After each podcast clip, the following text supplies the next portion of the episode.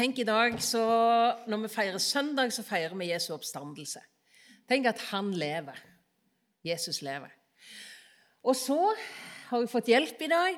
Eh, vi har jo eh, fortsatt som hovedtema for eh, vår forsamling nå dette semesteret her levende tro gjennom generasjoner. Og når jeg forberedte meg til møtet i dag, eh, så tenkte jeg at eh, jeg må liksom prøve å finne noe som kan knytte til akkurat det. Men så var det helt eh, stengt. Og så tenkte jeg det spørs om ikke Gud har tenkt at det er noen andre som skal si noe om det. Og så var Marit og tre andre fra vår forsamling på Avana-konferanse for 14 dager siden. Og så tenker jeg det spørs om det er kanskje en av de som som uh, Gud har lagt noe på hjertet til, som Gud har vist noe, som vi skal få lov å lytte til. Så derfor, Marit, tusen takk for at du sa ja. ja, ja. takk for at jeg fikk spørsmålet. Eh, hvis du var på årsmøtet for eh, bedehuset, så skjønte du kanskje at dette har engasjert meg litt. Eh, ja. Så egentlig ble jeg veldig glad når du spurte meg. Eh, for det, hjertet mitt begynner å banke når vi snakker om akkurat dette her. Så skal jeg prøve å ikke grine, for det var jo det vanskelig å følge med når jeg snakker. Men først et spørsmål til dere.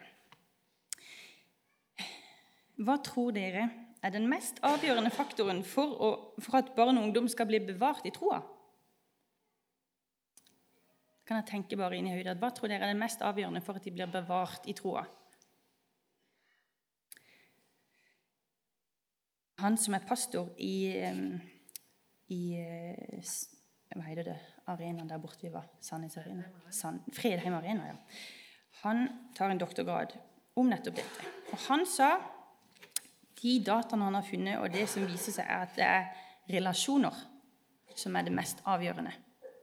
Ikke akkurat den talen eller alltid bibelvaner og sånn, men relasjoner er det mest viktige. Og akkurat nå så er barna og ungdommene de er eh, på Havana-opplegget nede i kjelleren. Og så har de kjempeflinke voksne som er der og som brenner for at de skal få bli bedre kjent med Jesus og lære mer om Bibelen og det som står der. Um, og Havana det kunne jeg sagt mye om, men det er et fantastisk opplegg både for lederne og for barna. Men så er jeg litt eh, redd for at Havana kanskje noen ganger kan bli en slags sånn hvilepude for oss som forsamling. Og med det så mener jeg at det er ikke bare Arvana-lederne som har et ansvar for å gi det videre. Det har vi alle sammen. Du har et ansvar, vi har et ansvar. Det er oss det ansvaret ligger på. Og du er ikke unntatt det ansvaret. Og så viste de jo der borte på Havanna-konferansen til en eh, undersøkelse som er gjort blant barn og ungdom, der de fulgte i overkant av 300 ungdommer fra de var 10 år til de var 18 år. De var 10 år, så var de aktive i menigheten. De var jo med foreldrene sine, men de var aktive i menigheten. Så fulgte de de oppover, og når de var blitt 18 år, så var det bare en tredjedel av de barn og ungdommene som fortsatt var aktive i menigheten sin. En tredjedel var igjen. Og så tenker jeg sånn åh, gjør vi nok? Dette er på vår vakt. Og så kan vi spørre oss Vi samles her. Eh, hvem er våre møter for? Eh, er det for de ungdommene som sitter på bakerste rad? Får de det de trenger? De som har liksom kjempa seg opp av senga på morgenen i dag for å komme på møte, kanskje ikke alltid har frivillig en gang, er møte for de, får de det de trenger for å bli bevart. Så for å sette det helt på spisen, da Er det nok å starte møtet med en barnesang? Det gjelder ikke, da. Altså, men bare sånn helt generelt, hvis man tenker liksom, ja, da har vi bevart, vi har tatt en barnesang, da fikk ungene det de trengte. Eller er vi fornøyd med at ja, nå er de nede i kjelleren, da får de de trenger, så er vi her.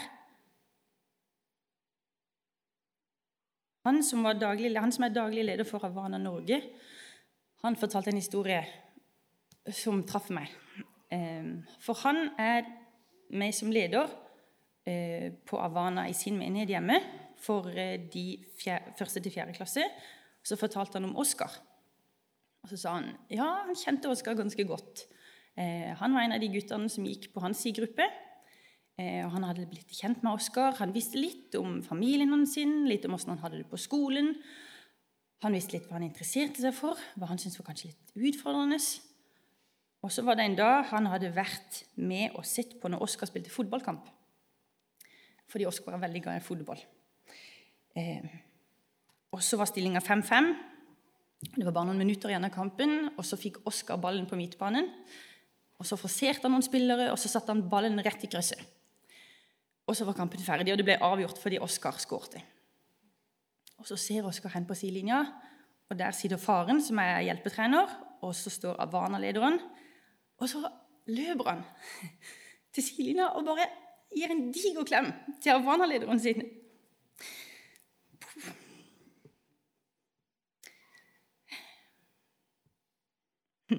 Og så sier han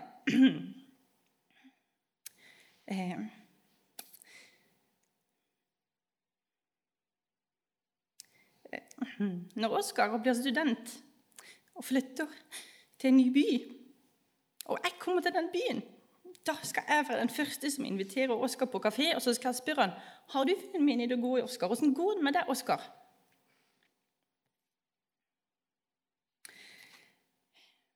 Vi må bygge relasjoner, og du er viktig.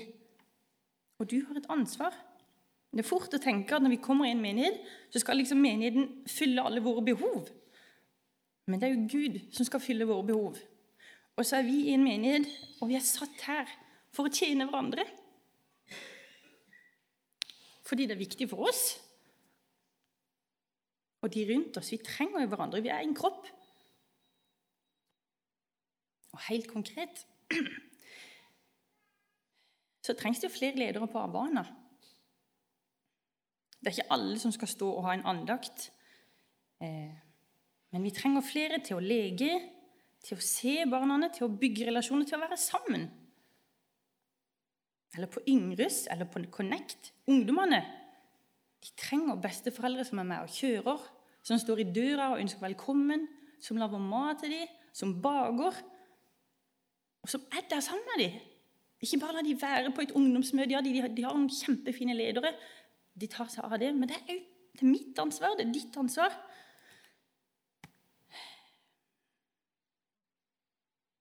I Johannes 4, 42 så står det Det er, om dama med brønnen eh, som fikk møte Jesus. Så løper hun inn og forteller. Og de menneskene som møter henne, så sier de nå tror vi ikke lenger av det du sa.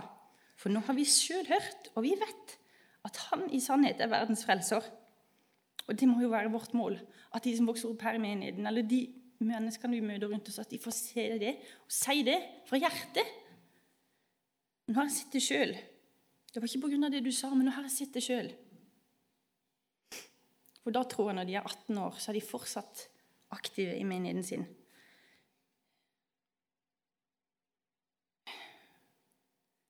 eh, 6. mars så er det årsmøte i forsamlinga her. Jeg skal ikke bruke dette som en sånn reklame, eller noe, men jeg har lyst til å si at på den samlinga så ønsker vi å ha fokuset på det med å gi det videre, på disippelgjøring. Som er helt i tråd med det med å gi det videre, eller levende tro gjennom generasjoner. Så jeg har lyst til å si ikke som en sånn pekefinger eller noen ting, men det er oppmuntring. Meld deg inn i forsamlinga. Ikke kanskje her, men ett sted. Meld deg inn. Engasjer deg. For det er viktig. Vi trenger deg, og vi trenger din stemme. Jeg rekker ikke se på alle her, men det er til deg, den enkelte av dere. Og Vi trenger ditt blikk. Og så er det noen som trenger akkurat de forbundene. Vi trenger å hjelpe hverandre til å ta ansvar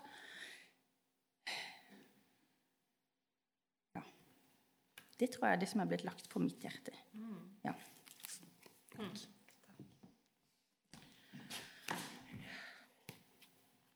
Ja, takk skal du ha, Marit. Takk for at du sa ja, og takk for at du la på våre hjerter det som Gud hadde lagt på ditt. Eh, og så eh, er det egentlig litt fint, sant? Vi trenger hverandre. Og det til å oppleve det sånn helt konkret òg for min del sant? Gud ga ikke meg alt det som jeg tror Gud ville ha fram i dag. Men så ga han noe til Marit. Og så har han gitt noe til noen andre. Og så kan vi på en måte få lov å være med på vår plass, på vår måte, på det som Gud har gitt oss og lagt på våre hjerter. Eh, det, det, er et kjempefint lag å få, få lov å være på. Mm. Tusen takk, kjære Jesus. Nå ber jeg deg om at, eh, at, det som eh, du har vist Marit og lagt på Marit sitt hjerte, som hun nå la på vårt Nå ber jeg deg om det, Jesus, at, eh, at vi som har så lett for å være opptatt av hva som er greiest og kjekkest for meg sjøl, at vi, Jesus, må få hjelp av deg og ditt ord til å løfte blikket vårt imot neste generasjon imot åkrene som er hvite til høst. Mot våre naboer, mot våre familiemedlemmer, mot eh, de som du har gitt oss, Jesus, i nærmiljøet vårt og i området her, gjennom misjonene vi er engasjert i, gjennom misjonsarbeidet både i Norge og utover til de ulike misjonsland. Kjære, gode frelser, du holder på med noe som du inviterer oss inn i. Og kjære Jesus, jeg ber deg om at, eh, at nå må du bare bearbeide hjertet vårt. Må du berøre øynene våre. Jesus, så har jeg òg lyst i dag å be spesielt for laget.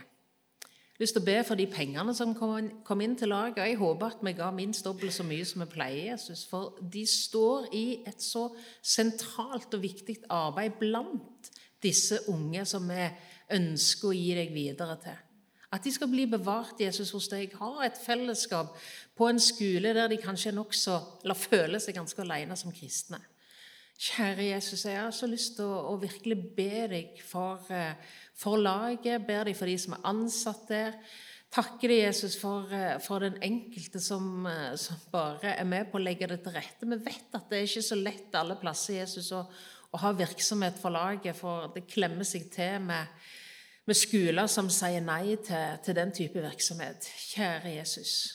Vi ber om å få lov å være et fellesskap som kan være en god partner for laget, og som kan være med på å løfte dem i bønn og løfte deres arbeid òg økonomisk. Herre, vi ber òg om din velsignelse, at du puster på ditt ord. Vi er 100% avhengig av deg, Jesus, fortsatt òg, og vi legger resten av møtet i din hånd. Amen. Ja.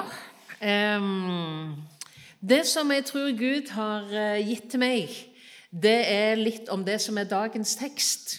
Og jeg har òg lyst til å komme litt tilbake igjen til noe av det som Marit snakket om. Men først så leser vi eh, det som er dagens tekst fra Markus 9. Og selv om øynene funker ganske mye bedre, så eh, får vi stille skarpt her. Markus 9, fra vers 2. Seks dager etter tok Jesus med seg Peter, Jakob og Johannes og førte dem opp på et høyt fjell. Der var de for seg selv helt alene, og han ble forklaret for deres øyne. Hans klær ble så skinnende hvite at ingen på jorden som bleket klær, kan få dem så hvite. Og Elias viste seg for dem sammen med Moses, og de samtalte med Jesus. Da tok Peter til orde og sa til Jesus.: Rabbi, det er godt vi er her. La oss bygge tre hytter, en til deg, en til Moses og en til Elias. Han visste ikke hva han skulle si, for, var for de var slått av frykt. Da kom det en sky og overskygget dem, og en røst lød ut av skyen. Dette er min sønn, den elskede, hør ham. Og med ett, da de så seg omkring, så de ikke lenger noen hos seg uten Jesus alene. Vi stopper der. Jesus tar med seg eh, disse tre brødrene, Jakob og Johannes og Peter. Eh, de som fikk være med Jesus litt lenger og på litt andre ting enn liksom alle. De var de som var med inn når eh, Jairus' datter ble vekket opp fra de døde. De var med Jesus litt lenger inn i Getsemane når han kjempa sin store kamp i bønn. Og nå er det disse tre som får det privilegiet å være med Jesus opp på fjellet. Jesus han skal be, Og Leser vi i eh, Lukas-evangeliet, der det står om den teksten, så står det at de var ganske trøtte. Og Jeg vet ikke om det er typisk å bli trøtt når man er med Jesus når man ber, for de sovna jo i Getseman òg. Men i alle fall så, så eh, er det tydelig at øynene deres eh, de er litt tunge. Men det er ikke så lenge før det at de våkner til, leser vi i Lukas evangeliet. Det skjer noe med Jesus. Jesus sitt ansikt blir forklara. Det er akkurat som det stråler av ansiktet hans. At det er en indre glans. Eh, det må være sånn det å være veldig forelska ganger ti, liksom. Hvis man er veldig forelska, så ser man det i ansiktet og i øynene. ikke sant? Altså Her er det noe som er i Jesus sitt hjerte. Jesus som er sann Gud. Så lyser han ut Guds herlighet på en måte som disiplene aldri hadde sett før. Og så er det ikke bare det. Han får besøk hjemmefra. Har du tenkt på det noen gang? Kommer vi til å kjenne hverandre igjen i himmelen? Har du tenkt på det? Jeg kan bare si jeg er helt sikker. Jeg kan jo ikke tenke meg at det er noe som fungerer dårligere i himmelen enn det gjør her. Og så i tillegg altså De skjønte jo at det var Moses og Elias. De skjønte jo det. Tenk deg å være et sted der man umiddelbart skjønner hvem man ser. Ah, himmelen, altså. For et håp og for ei framtid. Vi som av og til strever Og hvem var nå det? Hva var det når han het? Det ligger bak. Det ligger bak. Moses og Elias, de kom. Og så tenker jeg, Hvem er, representerer egentlig disse to? Jo, Moses han var jo den store lovgiveren. Han var den som på en måte satte i gang gudstjenesteliv i tabernakelet. Alle forbildene på det store offeret som en gang skulle gis og gis av Gud sjøl, til soning for all verdens synd. Moses, han med forbildene. Moses, han med loven. Og så Elia, den store profeten. Han som på en måte representerer alle disse løftene om at Gud skulle sende en frelser. Det var en som skulle bli født, som skulle frelse oss ifra syndene våre. Og så kan vi lure hva snakket Jesus med disse to om? Det forteller Lukas. Han sier at de snakket om hans bortgang. Disiplene, Peter og Jakob og Johannes og hele gjengen, de hadde i kapittelet før, altså bare en liten stund foran, så hadde Jesus snakket med dem om at han skulle opp til Jerusalem. Han skulle opp til den påsken der han skulle li, der han skulle dø, og der han skulle stå opp igjen. Og det var kjempevanskelig for disiplene å ta imot og tenke at det kunne være sant. Men nå hører de det igjen. Det var dette som var Guds plan det var dette som var årsaken til at Jesus kom. Du skal gi navnet Jesus, for han skal frelse folket sitt ifra syndene deres. Frelsesplanen, den skulle snart realiseres. Gud, han kan det med frelsesplaner. Ikke bare å planlegge det, men å gjennomføre det. En av lesetekstene i dag er fra 2. Mosebok kapittel 3, der det står om at Moses er i øyemørket, at han blir møtt av Gud gjennom en brennende tornebusk. Det var Gud som hadde noe på gang, og han åpenbarte seg for en av de som han ville bruke i forbindelse med realiseringen av det som Gud ville gjøre for sitt folk. Og så hører Moses en som taler ut av den brennende tornebusken, den som ikke brant opp. Og så hører han at Gud sier, 'Jeg har så visst sett mitt folks nød.' 'Jeg har hørt klageropene deres.' 'Jeg vet hvordan de lir.' Oh, så er kanskje det òg et ord til deg i dag. For sånn er Gud i dag òg. At han hører sitt folk sine rop. Som folk og som enkeltmenneske. Han ser din situasjon. Han hører dine bønner. Han vet hva som smerter deg. Og han vet mer enn noen andre hvor vondt det gjør. Gud hører, Gud ser, Gud forstår. Og så kommer det et øyeblikk, og det kom et øyeblikk for israelsfolket.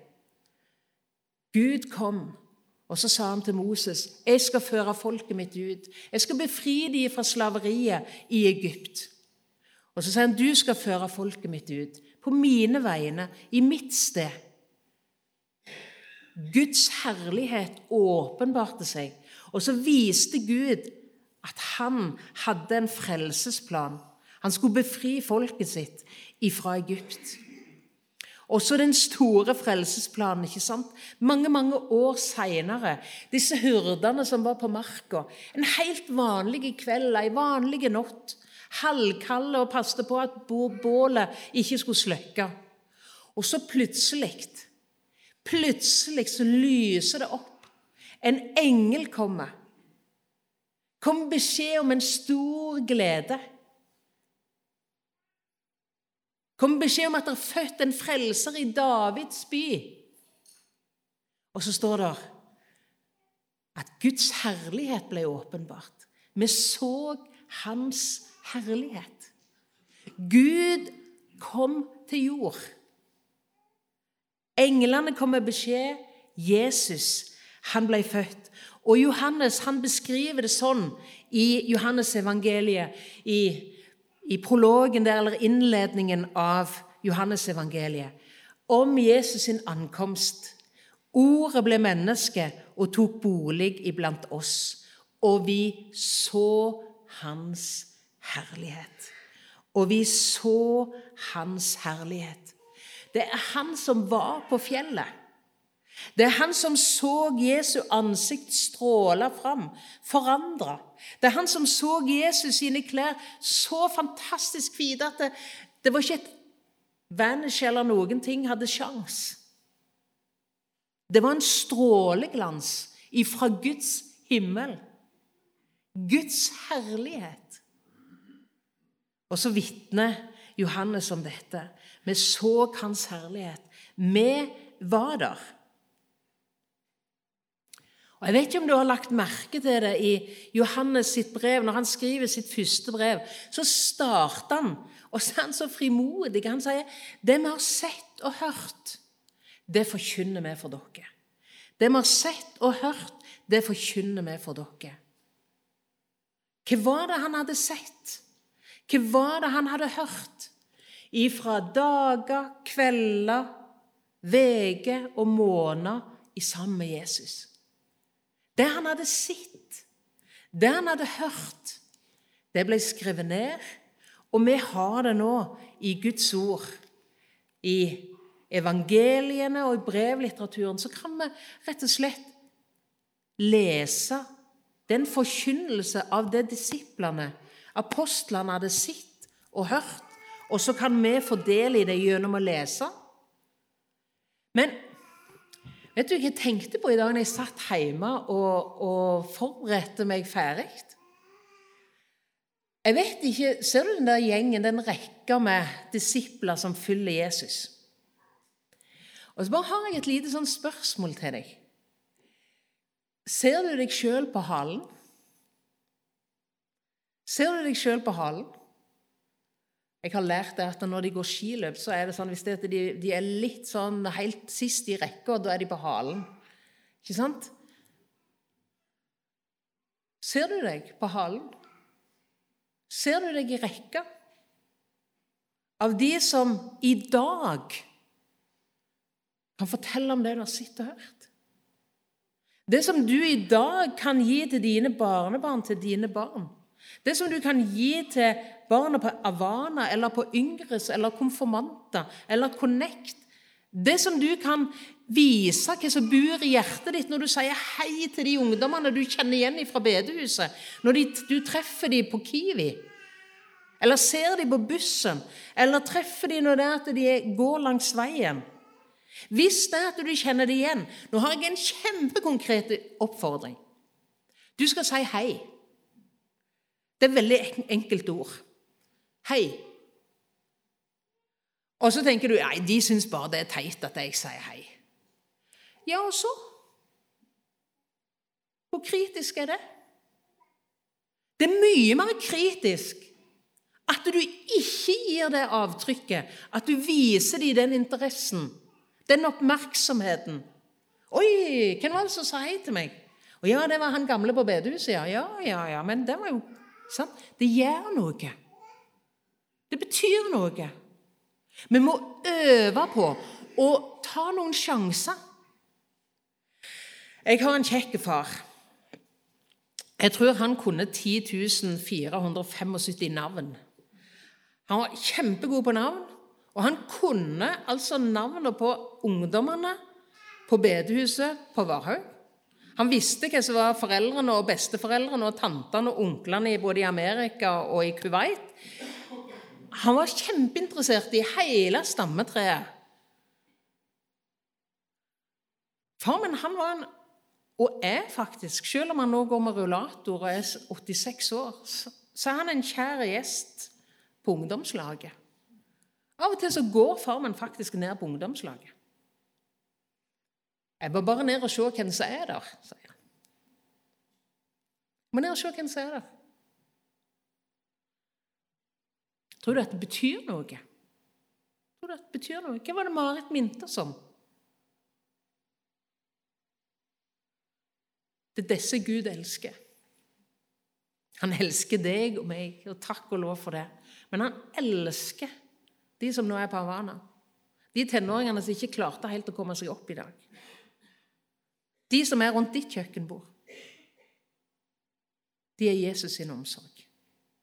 Vi hjelper Jesus å passe på dem. Vi hjelper Jesus å være god med dem. Skal vi være der for Jesus? Be om å få lov til å ha litt av den nåde og sannhet som er i hans blikk. Levende tro gjennom generasjoner. Det må sett og hørt. Har du sett noe? Har du hørt noe? Sett noe? Har du hørt noe? Lenge siden du så noe. Lenge siden du hørte noe.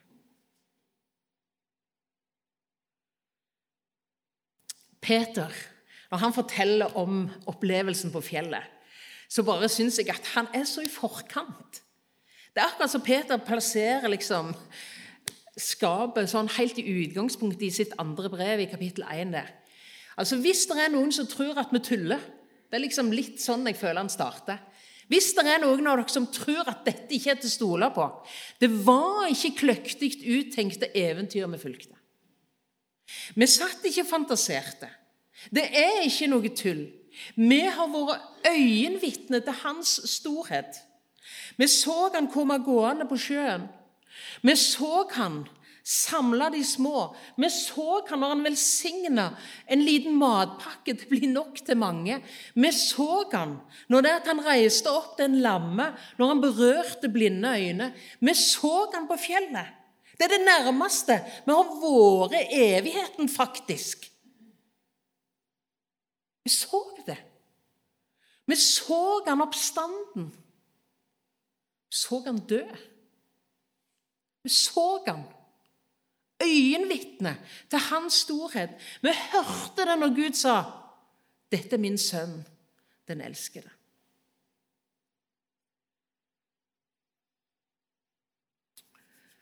Nå skal jeg eh, gå inn for landing her. Jeg har hatt en bønn i forkant av møtet vårt her. La meg få se ditt ansikt, kjære Jesus. Ja, se meg glad på all din herlighet. Da har jeg så lyst til å knytte an til det som Marit sa så sterkt på slutten. Hva var det kvinner ved brønnen hadde opplevd? Hun hadde opplevd et møte med Jesus. Kom og se. Det jeg har sett og det jeg har hørt, det forteller jeg deg. Kom og se. Kom og se. Han skulle vel ikke være Messias. Han har sagt meg alt jeg har gjort. Nå tror vi ikke lenger på grunn av det du sa, men nå tror vi fordi vi har hørt han sjøl. Det være et bønneemne for oss? Et bønneemne for oss som forsamling? Neste generasjon. Vi må gi det videre. Og hvis vi skal det, så må vi få eie det sjøl. Jeg hadde trøbbel med øyet. Netthinna tok liten, et lite ras. Eh, sånn at jeg så ikke på halve synsfeltet på en måte på venstre øye. Det var nede. Eh, takk for bønner og takk for oppmuntring i den forbindelse, forresten. Men så Jeg kunne ikke gjøre én ting for å få den netthinna på plass. Det hjalp ikke med noen diett. Det hjalp ikke med noen spesielle øvelser. Jeg hadde behov for hjelp. Jeg hadde behov for en lege som på forunderlig vis bare liksom heiste opp den netthinna og plasserte den. sånn at når jeg var hos øyelege nå nettopp, så sa de hun henger der hun skal. Og du vet, Jeg trenger ikke forstå det engang. Det er jo det deiligste. Jeg kan bare oppleve det. Trenger ikke forstå det. Bare oppleve det. Så er det mitt bønneemne for meg sjøl, så er det mitt bønneemne for deg. At du kan få besøk av han legen som heiser opp og klarer synet. Dere komme fram? Um, skal vi synge denne sangen i sammen? Noen av dere kan den. Den er jo ikke akkurat, den er litt eldre enn Børud-sangen, for å si det sånn. da. Uh, så nå synger forsangeren de synger verset for oss, og så er vi med i koret. Og så ber vi om at vi kan få oppleve at han stanser ved oss. Han som med sine naglemerkte hender kan berøre våre hjerter sine øyne. Om det er netthinner som trenger å heises på plass, eller hva som trengs, det vet Jesus. Men at han kan få adgang og rom i livet.